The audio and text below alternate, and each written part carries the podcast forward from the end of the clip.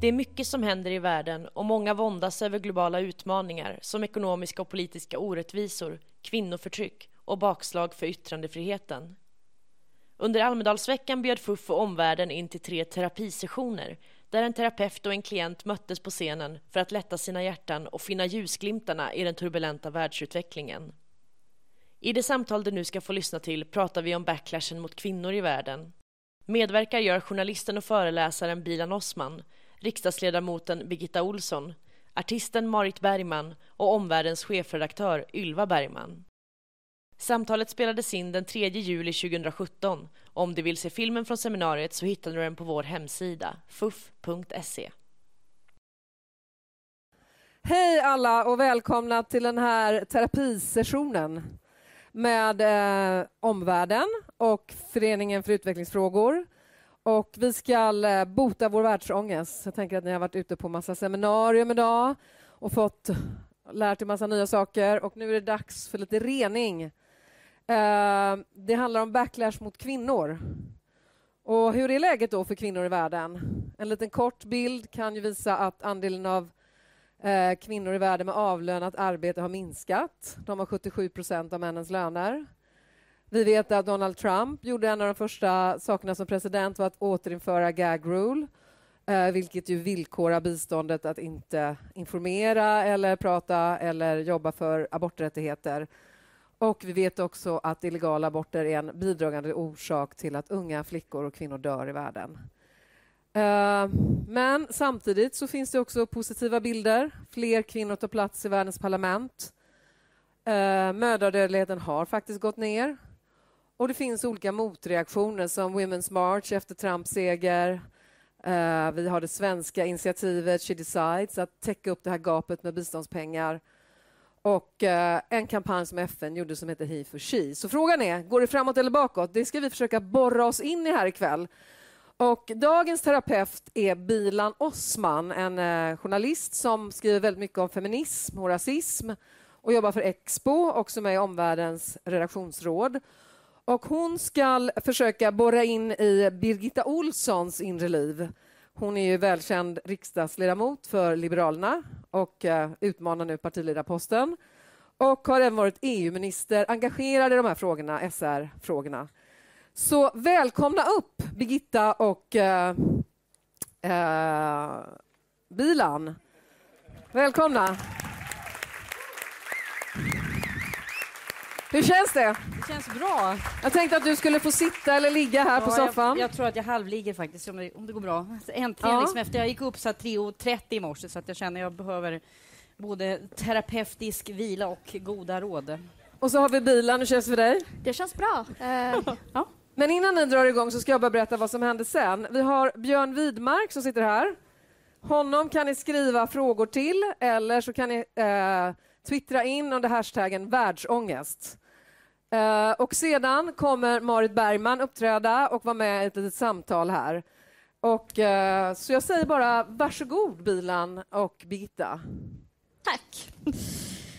Välkommen Birgitta. Eh, det är första gången vi träffas eh, och jag vill veta lite mer om vad det är som tynger dig, varför du är här idag. Ja, den, den listan kan bli lång om man säger så. Eh, nej, men något, något, som väl har påverkat mig och så miljoner kvinnor och, och feminister och kloka män världen över är ju såklart eh, det som hände i USA i början av november förra året. Jag kommer ihåg att eh, redan månader innan valresultatet kom eh, så jag kommer jag sa det i någon eh, radiointervju att eh, nej, jag kommer drabbas av, jag kommer gå in i en långvarig politisk depression om Donald Trump liksom blir nästa president. En, en man som har skrutit om att han eh, tafsar kvinnor mellan benen, som har gjort liksom, eh, satt den här globala ribban för det här samtalet vi har mellan människor, bara sänkt den så himla mycket. Och jag tänkte liksom på hur kommer mina liksom, döttrar påverkas av att växa upp i en värld för det påverkar väldigt mycket. När politiker är öppet rasistiska så sipprar det igenom i samhällslagren. När politiker är öppet sexistiska som har sådana maktnivåer så påverkar det också. Och jag, jag var också sen i, mm, jag var i Washington mm, under själva då valnatten. hade varit där och kampanjat för Hillary Clinton dagarna innan. Och mm, jag var med i SVTs valvaka I början gick man väl in i sändningen, den här pågick i nio timmar, så man kom in fram och tillbaka. Och då var man väl ganska sådär lite segerviss. Men för varje liksom, timme som gick så sjönk jag ihop. Liksom. Och jag kan säga så här, de arga männen som mejlade mig från Sverige till Washington var liksom mer triumfatoriska att, att han kommer att vinna. Så att jag... Det där tycker jag, det där blev... Eh, det var en sån enorm alltså, politisk liksom, besvikelse att inte få det här ultimata glastaket skulle få sprängas och att ehm, eh, den ultimata skolgårdsmobbaren skulle få vinna över den duktigaste av duktiga flickor. Det kände jag en enorm eh, sorg inför. Mm. Du beskriver ju väldigt mycket om det som kanske skulle kunna kallas för någon form av backlash mot, mot kvinnor globalt. Och när jag säger det, backlash mot kvinnor, vad, vad är det första som du tänker på? Jag tror man ska vara väldigt medveten om att eh, vi lever ändå i en tid där kvinnor över hela världen ändå ska vara eh, framtidsoptimister och feministoptimister. För det var verkligen inte bättre förr. Alltså segrarna för flickor och kvinnors rättigheter är enorma. Ehm, en kvinna som är 30 år i världen idag, hon har i snitt gått i skolan nio år. Och en kille som är 30 år globalt har gått i skolan tio år. Så att där man nästan man börjat utjämna det här utbildningsgapet mer och mer, vilket är fullkomligt fantastiskt. Och, eh, jag känner ofta så här att eh, ibland när man klagar själv på saker man tycker är fel så känner jag liksom att herregud, liksom min mormor som bodde i en by uppe i Västerbotten, hon gick i skolan tre terminer totalt. Och min mamma var den första i vår släkt som fick läsa på universitetet. Det är fantastiska liksom, även i Sverige, alltså utvecklingar. Men det som är sorgligt nu då, det är väl att, um, att när de här olika um, politiska rörelserna som ju finns, den här globala populismen, det är ju inte bara ett, ett västländskt fenomen. Det finns liksom på Filippinerna hos Duterte som skjuter människor på öppen gata. Det finns liksom i, i en del länder på den afrikanska kontinenten som var på väg mot demokrati, faller tillbaka. Demokratin har gått tillbaka, vad är det, tolfte året i rad nu globalt. Och det som kommer i kölvattnet av de här populistiska rörelserna är ju att ofta kvinnors rättigheter och minoriteters rättigheter liksom ryker allra, allra först. Och det känner jag i en sån enorm sorg. Att eh, det vi har vunnit kan så lätt rullas tillbaka. Och det tror jag alla måste vara väldigt vaksamma över att se de här det handlar inte bara om abortfrågan som nämndes tidigare, utan det är på så väldigt många fält eh, hur eh, flickor och kvinnors rättigheter inte ses så självklara. Hur skulle du beskriva med egna ord att den här backlashen mot kvinnor ser ut, eller hur du möter på den i din egen vardag? Som Birgitta Olsson. Ja, jag kan säga så här, jag tycker väl att um, att i min egen vardag så kanske jag inte känner att den har påverkat så otroligt mycket. Jag är, lever ändå liksom ett, um, nej, ett, ett tryggt liv på det sättet. Men um, jag tycker att um, samhället, och också samhället i Sverige idag, har blivit ibland så himla mycket grövre.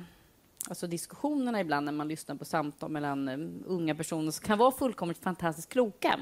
Men där också liksom debatterna på på nätet, näthatet. Ehm, det jag kanske kan känna för några år sedan, jag har varit politiskt aktiv nu i, i snart 20-25 år.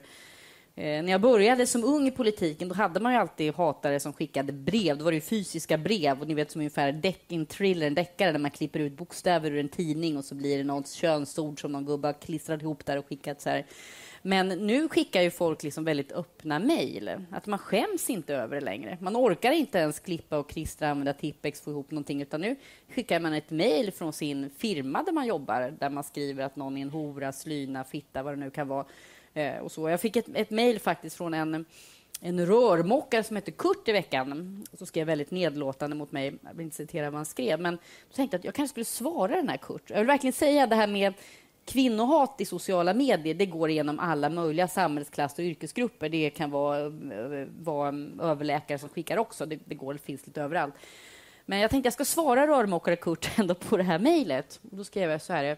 Ehm, Tack för ditt mejl. Ehm, uttrycker du dig alltid så här mot dina kvinnliga släktingar, eh, kvinnliga arbetskamrater eller kvinnliga kunder på den firma som du jobbar för? Använder du samma språkbruk mot dem? Och Kurt fick nog lite panik tror jag, för att han skickade ganska snabbt. Han insåg väl att det här kan få fötter, så att han in, skickade ett ursäktsmejl faktiskt. Men, men det här med att det politiska samtalet har blivit så pass... Um, förflackat och förskjutet när nästan vad som helst är acceptabelt. Och då tror jag också att då, då, mm, för en del människor blir det inte så långt det här steget att också göra någonting fysiskt mot en person. Alltså oavsett om det handlar om att, eh, att håna en kvinna som bär hijab eller om det handlar om att, eh, att um, håna en kvinna för hennes klädsel eller för vad hon nu gör med sitt liv. Alltså det kan bli, det kortas. Samtalet liksom trummas upp så mycket. Ganska nyligen så utmanade ju du Björklund i partiledarrollen. Eh, hur skulle du säga att hela den processen påverkade dig? Jag kan säga för det första är det väldigt befriande att, att göra ett sånt där hopp faktiskt. Jag rekommenderar det. Fler kanske borde göra det i publiken. Ehm, att faktiskt våga mm, göra någonting som i Sverige är ganska tabubelagt fortfarande. Man kunde nästan tro när man läste en del mm, kvällstidningar att man hade gjort någonting brottsligt. Liksom, jag kommer från ett parti där de flesta kan säga partiledare har bytts ut ett eller två år inför valen. Eh, det är ganska vanligt i det parti jag tillhör.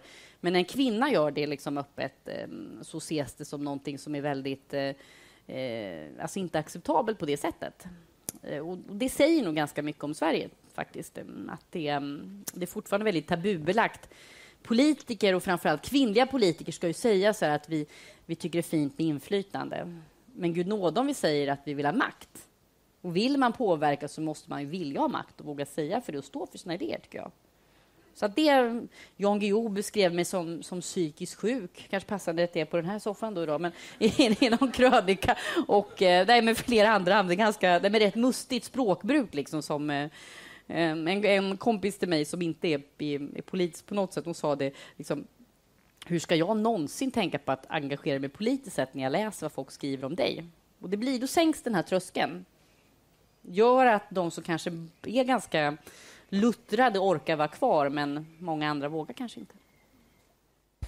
Du sa ju förut att det idag finns förväntningar och att man ska vara en framtidsoptimist. Eh, upplever du dig själv vara en framtidsoptimist? Jo, men det är jag nog. Jag tycker det, att man ska vara det också. Jag kan säga min, den här djupaste Trump-depressionen, den, den gick faktiskt över ganska mycket dagen efter. Ehm, jag satt på mitt hotellrum i Washington och skulle åka hem vid lunch. Och ni vet, när det är sån här nästan Hollywoodsk inramning utanför. Det var regntunga skyar. Och nu är Washington en väldigt demokratisk stad där människor gick liksom helt tungt, tungt med, med axlarna. Eh, och jag hade packat min väska, men jag hade liksom inte stängt den än. Ni vet, såna klassiskt som i en film, ett moment. Och eh, då satt jag på tvn och lyssnade på det här fullkomligt fantastiska talet som Hillary Clinton höll. Och då kände jag att min eh, ångest och sorg och besvikelse blev genast förmildrad när hon eh, riktade sig mot eh, publiken och sa om det finns några unga flickor som eh, lyssnar på mig just nu då vill jag att ni ska känna att ni är mäktiga, att ni är viktiga och att ni är värdefulla. Och att ni ska ha samma chanser i livet som de pojkar som ni växte upp med. Jag krossade inte det här absoluta glastaket, men någon dag kommer någon av er att göra det. Och då kände jag, ni kan tänka hur svårt det är att hålla ett sånt tal. Vi politiker är vana att förlora i val, det händer liksom då och då. Men att göra det till en sån person, och hon lyckades ändå behålla en värdighet. Och det tycker jag var väldigt starkt. Och det fick mig att ganska snabbt komma ur den värsta fasen. Mm. Yes. En sista fråga då, innan vi, vi avslutar här. Vad tycker du behövs för att fler ska kunna vara framtidsoptimister? Vad för sorts förändringar skulle du vilja se? Mm, det är en otroligt bra fråga. Ehm, jag tror väl att en sak som är viktigt det är att när man ser stora samhällsutmaningar så är det viktigt att se dem kanske som allvarliga, men att inte alltid bli alarmistisk. Jag tror att många människor hamnar i en, i en kanske väldigt negativ spiral där man ibland faktiskt också förstorar de problem som kanske finns genom att det är en väldigt alarmistisk, förenklande stämning. Och där tror jag det är viktigt att, att anständiga demokratiska röster ibland försöker lugna ner samtalet lite och försöka se att man kan se saker ur två perspektiv. Ge ett exempel. Ja, men det kan vara vad som helst. Ehm, ja, men exempelvis, ehm, man måste vara tuff mot kriminalitet. Men man måste också vara tuff mot kriminalitetens orsaker och att kunna se samband mycket tydligare. Det behövs fler poliser, men det behövs kanske också lika mycket en, en skola som ser de barn som har allra minst hemma. Och att se det, och där tycker jag vi tappar rätt mycket. Avsluta mm. det här yes. underbara samtalet. Men sitt kvar, sitt kvar. För att uh, vi ska fortsätta prata om det här.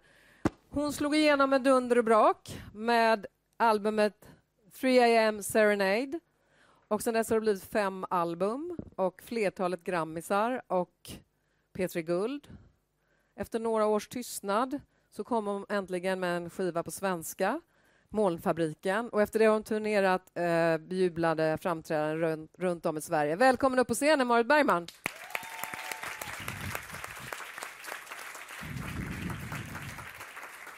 Jag tänkte att uh, du kan sätta det här bredvid Gunilla, äh, Gunilla så Birgitta. Nu blir det, det var en freudiansk felsägning. Undrar vem jag tänkte på. Finns det någon känd Gunilla?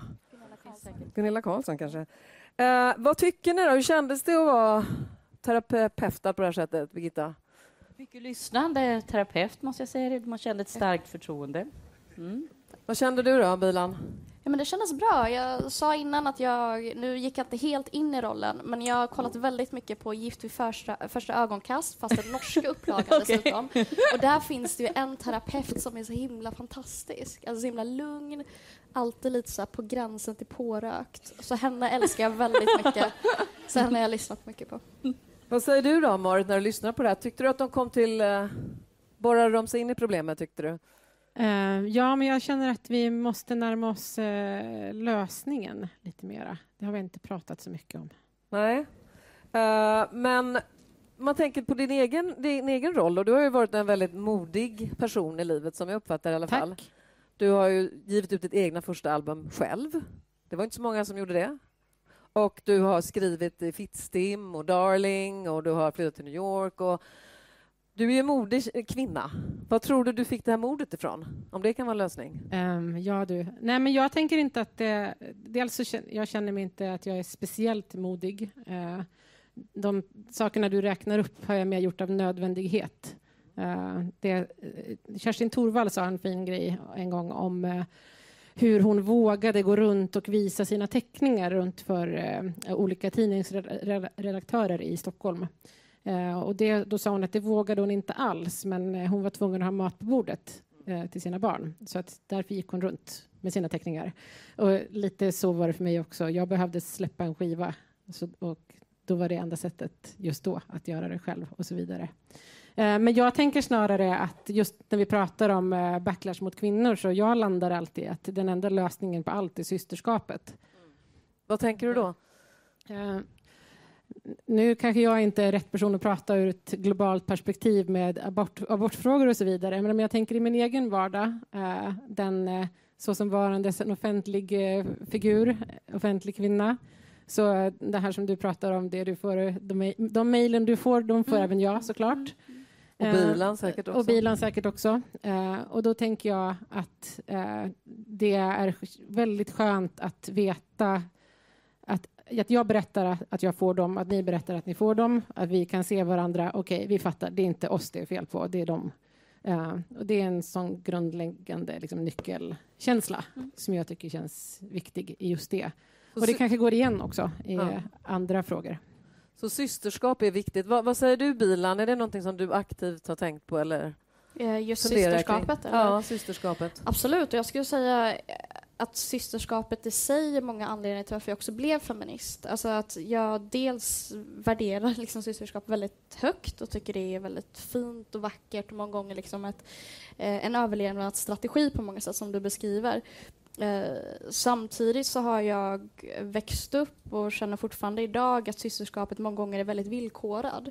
Eh, och beroende på hur, vem man är eller hur man ser ut och så vidare. Och det kan vara att man är liksom icke-vit kvinna eller transkvinna eller så här, på olika sätt inte passar i mallen för vad som betraktas vara systerskap.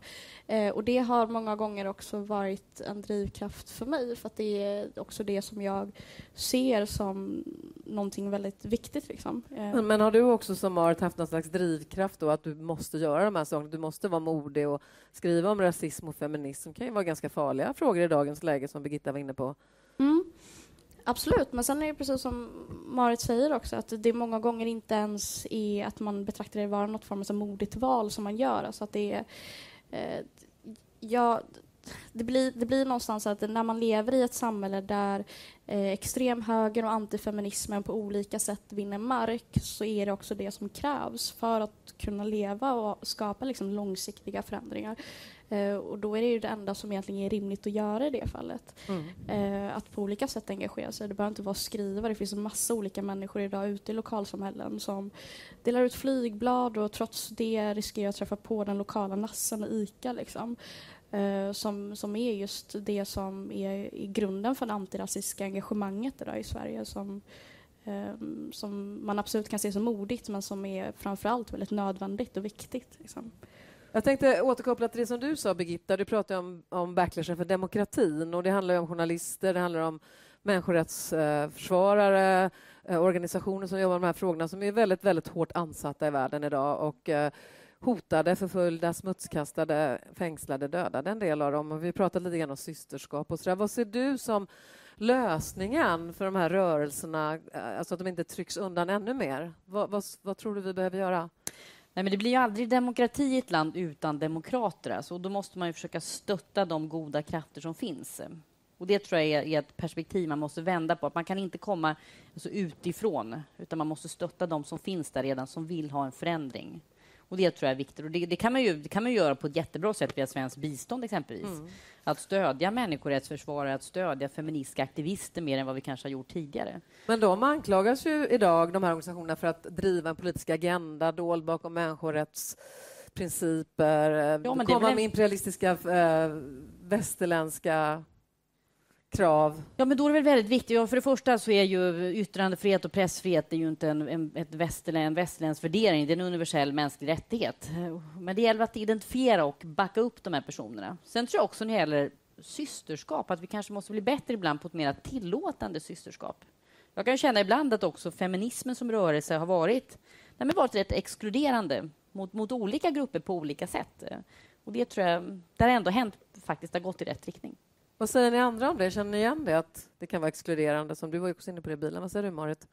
Eh, ja, men det tror jag absolut. Och jag tänker på ja, till exempel bilen här. Det har jag faktiskt följt väldigt noga, det du har skrivit och så, senaste åren. Och jag, eh, när jag för ja, några år sedan, kan vi säga, eh, när jag var 17, eh, eh, vaknade upp som feminist eh, då var det väldigt, eh, det var ett extremt vitt sammanhang kan man ju säga. Alltså det var ju så väldigt eh, eh, det var medelklass, det var vitt och det var, även om vi på ett ytligt sätt såklart liksom stödde våra till exempel muslimska systrar så var det ingenting Eh, det, var, det, var, det var verkligen bara snack och väldigt lite verkstad. Eh, och där tycker jag att det ändå eh, har kommit fram många röster nu som inte fanns för då några år sedan. Eh, och det är jag väldigt glad för och jag tycker det är så himla... Ja, det känns skönt och stort. Men jag förstår också vad du pratar om, att det, att det kan vara exkluderande. Eh, jag tror att jag förstår. Men Bilan, du har ju släktingar i Somalia och Somalia är ett land där kvinnorna faktiskt har gått framåt. Det har kommit in fler kvinnor i parlamentet där och eh, jag vet att du, eh, hade, du berättade något för mig innan om din mormor här och, och könsstympning. Det händer grejer mm. där. Finns det ett systerskap kring det, tycker du? Eller är det biståndet som har drivit på eller har kommit från gräsrötterna? Eller vad? Det är en kombination av flera saker, men den främsta anledningen till varför det är färre kvinnor som könsstympas i exempelvis Somalia är ju också en anledning som man väldigt sällan i det offentliga samtalet också pratar om. Alltså att det är somaliska kvinnor som har bedrivit en kamp liksom, eh, i väldigt många år. Och det jag berättade förut för, för Ylva är att jag tycker min egen mormor är en väldigt... Det finns en symbolik i det. Alltså att, Eh, jag är den första kvinnan i släkten som inte blev könsstympad eh, och min mormor brukar, när, jag föddes så brukar mormor väldigt ofta ringa mamma, de har väldigt bra kontakt eh, såklart fortfarande och fråga så, varför har du inte könsstympat henne än? Alltså vad, är det du väntar på liksom? Och mamma bara nej men det är klart jag inte kommer könsstympa henne. Eh, och idag när jag pratar med min mormor över det, eh, om det över telefon så blir hon typ förskräckt över att hon ens sa det. Och det här var inte så länge sedan. Liksom. Jag är snart 25, alltså det, vi pratar inte om så 100 år sedan. Eh, och någonting har hänt där. Alltså min mormor har hängt med inte så här, i, en, i en opinion som finns i Somalia idag där liksom ledande politiker också säger att det måste införas en lag kring könsstympning. Det finns det fortfarande inte än, men det är, liksom, det, det är någonting som händer. Och eh, jag eh, tycker verkligen min mormor är en, det finns en symbolik i det. Men, men, du menar att det är den somaliska kvinnorörelsen som har drivit fram de här frågorna i eh, kombination kanske med systerskap internationellt då, eller? Absolut. Alltså, jag menar inte att det är primärt i det. Mm. Det är massa olika saker som har lett till det. Eh, men min poäng är att det också är många somaliska kvinnor som har bedrivit den här kampen väldigt länge. Liksom. Att sådana här förändringar sker inte gratis. Liksom. Det är på vissa villkor och det är massa somaliska kvinnor som har på olika sätt organiserat sig för det här väldigt länge. Eh, och som man sällan också creddar i det offentliga samtalet om vad som sker i delar av mm. eh, världen. Liksom. Nej, bilden av Somalia är väl att det är eländigt och svält och och så vidare. Det, det, mm. det stämmer inte riktigt. Eh, det, det, både ja och nej. Det är svält.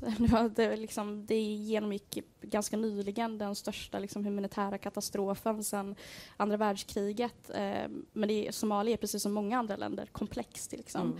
Eh, det finns en bredd av olika saker i, i det landet och det här är en av de positiva grejerna. Och det är den förmågan som jag tror är så viktig, det här med både och, att kunna se Alltså att ett land har så många dimensioner och så många delar som vi kanske aldrig, aldrig når igenom mediebruset, men det är också viktiga berättelser. Mm. Och det tror jag måste bli duktigare på, den här svartvita.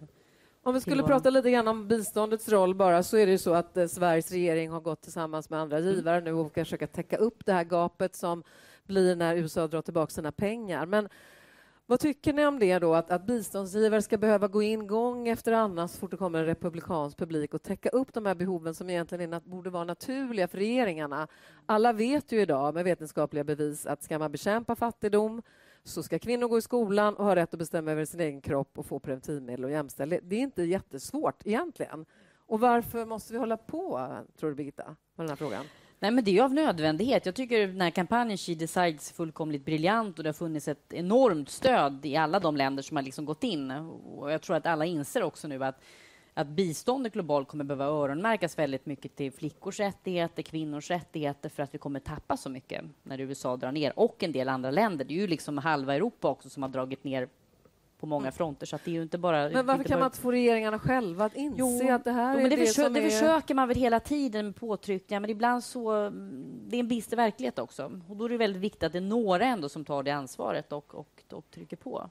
Så det är inte ett, ett frakt för kvinnor över världen? Som jo, men det är klart att det är det. Men sen måste det, det är ett frakt för kvinnor och det ska vi försöka liksom bekämpa på alla sätt. Men sen är det ju en verklighet. Någon måste se till att den här flickan i Tanzania kan få preventivmedel och fortsätta gå i skolan eller vad det nu kan handla om. Och då, då måste någon täcka upp och gå in och försöka men, men, vad tror ni då? Är jämställdhet ett västerländskt påfund eller tror ni att de här värderingarna kommer så att säga, segra då mot de här lite ondare krafterna som vi har talat om som män och nationalism och rasism? Och, vad tror du, Bilan? Tror du att jämställdhet och mänskliga rättigheter är det som kommer vinna? Absolut. Eh, och det är långt ifrån ett västerländskt påfund, bara tvungen att få in. Eh, och bara kort exempel på det. Nigeria är det tydligaste exemplet på det. Liksom innan kolonialismen så hade kvinnor ganska stor social och politisk makt i landet. Och sen kom just västerländska värderingar till Nigeria och omstörtade hela samhällssystemet.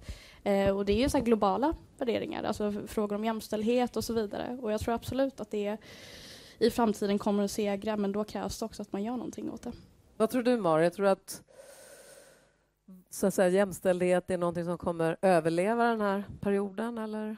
Ja, men jag tror att det är lite så, även om det, även om det kan finnas tillbakagångar och så vidare, så jag tror att när vi väl har liksom fått smak på uh, vad det kan innebära med frihet, uh, då är det väldigt svårt att liksom stänga den buren igen. Då ska vi se om Björn här har fått några frågor från publiken uh, som du vill ställa eller eh, Frågor. Jag, jag, eh, jag, skulle vilja säga så här att jag skulle vilja anmäla eller jag skulle vilja efterlysa era tankar och era röster. Era tips på hur man botar världsångest, era tips på hur ni hanterar denna världsångest. Vi har några som sitter här framme som är, uh, ger sina tips och berättar lite om det. Men jag skulle vilja ha era.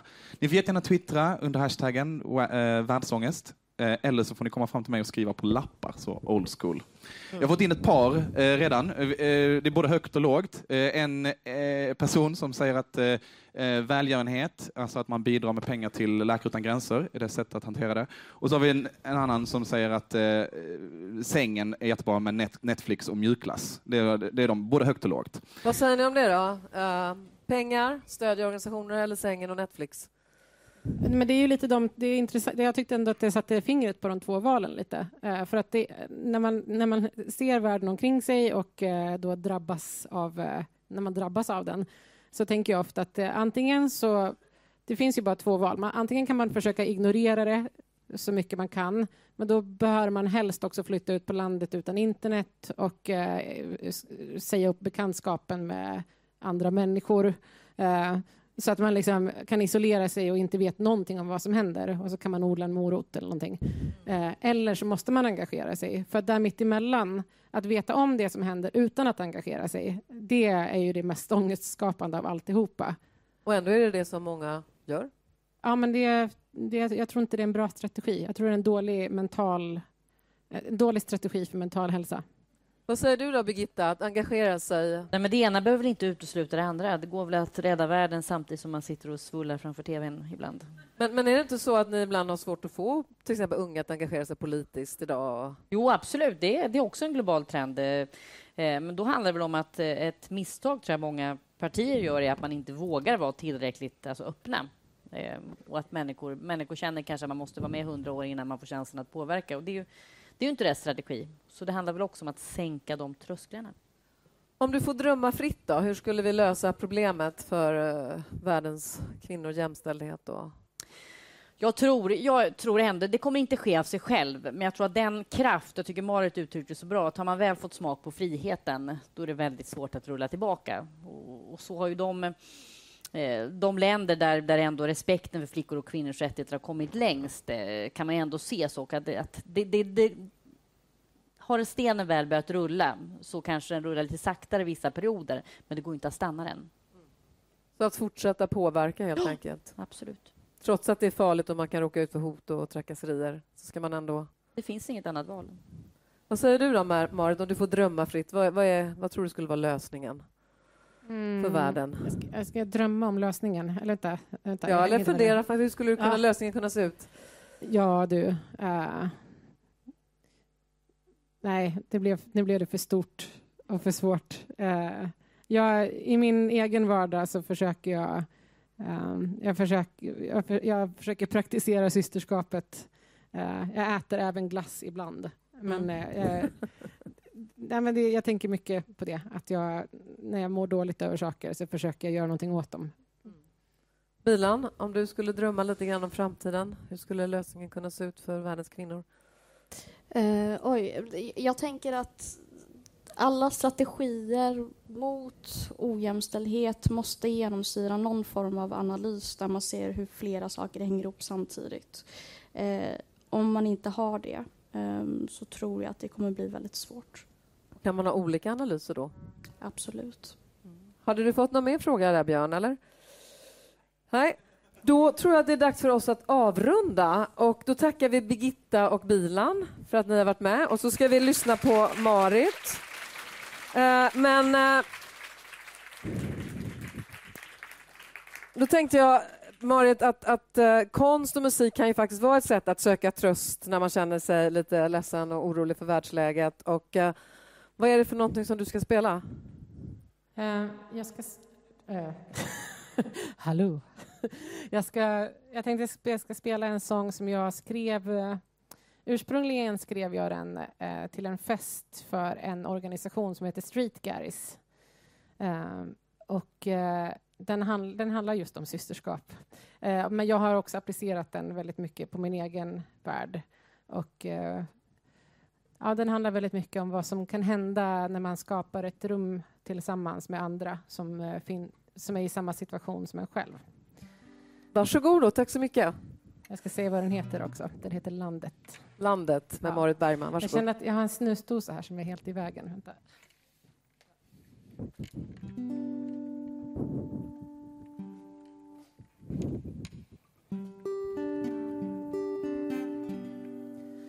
Vem vet vad som skulle hänt med oss om vi aldrig sett varann? Aldrig hört hur basen mullrade bakom pliktrumsdörrar Skulle jag stått kvar och tynat bort vid en scenkant någonstans stått och väntat snällt och stilla på min tur. Men du fanns och du fanns. Du fanns.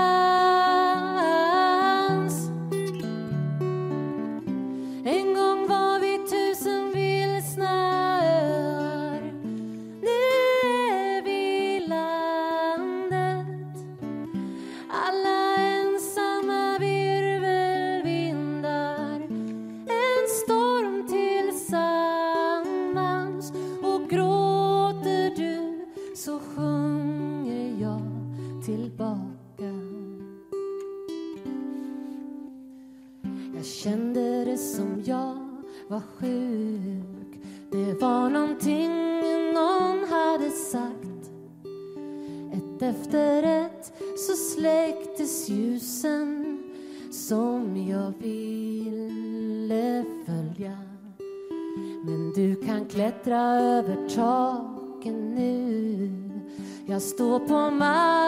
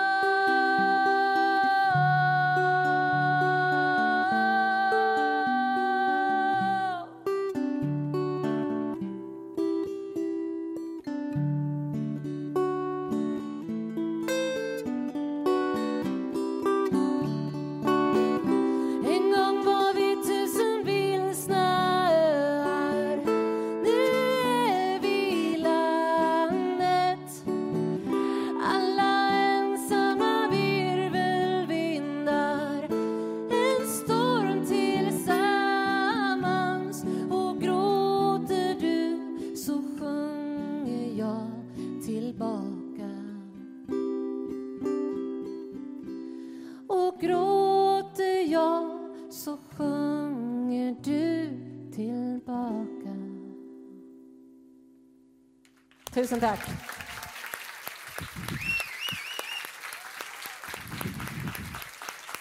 Tusen tack Marit Bergman, Bilan Osman och Birgitta Olsson. Fantastisk låt. Tusen tack. Nu har ni blivit renade. Nu har ni fått en tyst minut och en försoning. Tack för att ni kom och kom imorgon igen. Då är det Emil Jensen, Hans Linde och Cecilia Udén. Välkomna. Tack för att du lyssnat på FUF-podden. FUF är en förening som sprider information och skapar debatt om globala utvecklingsfrågor. Mer information om vår verksamhet hittar du på fuf.se.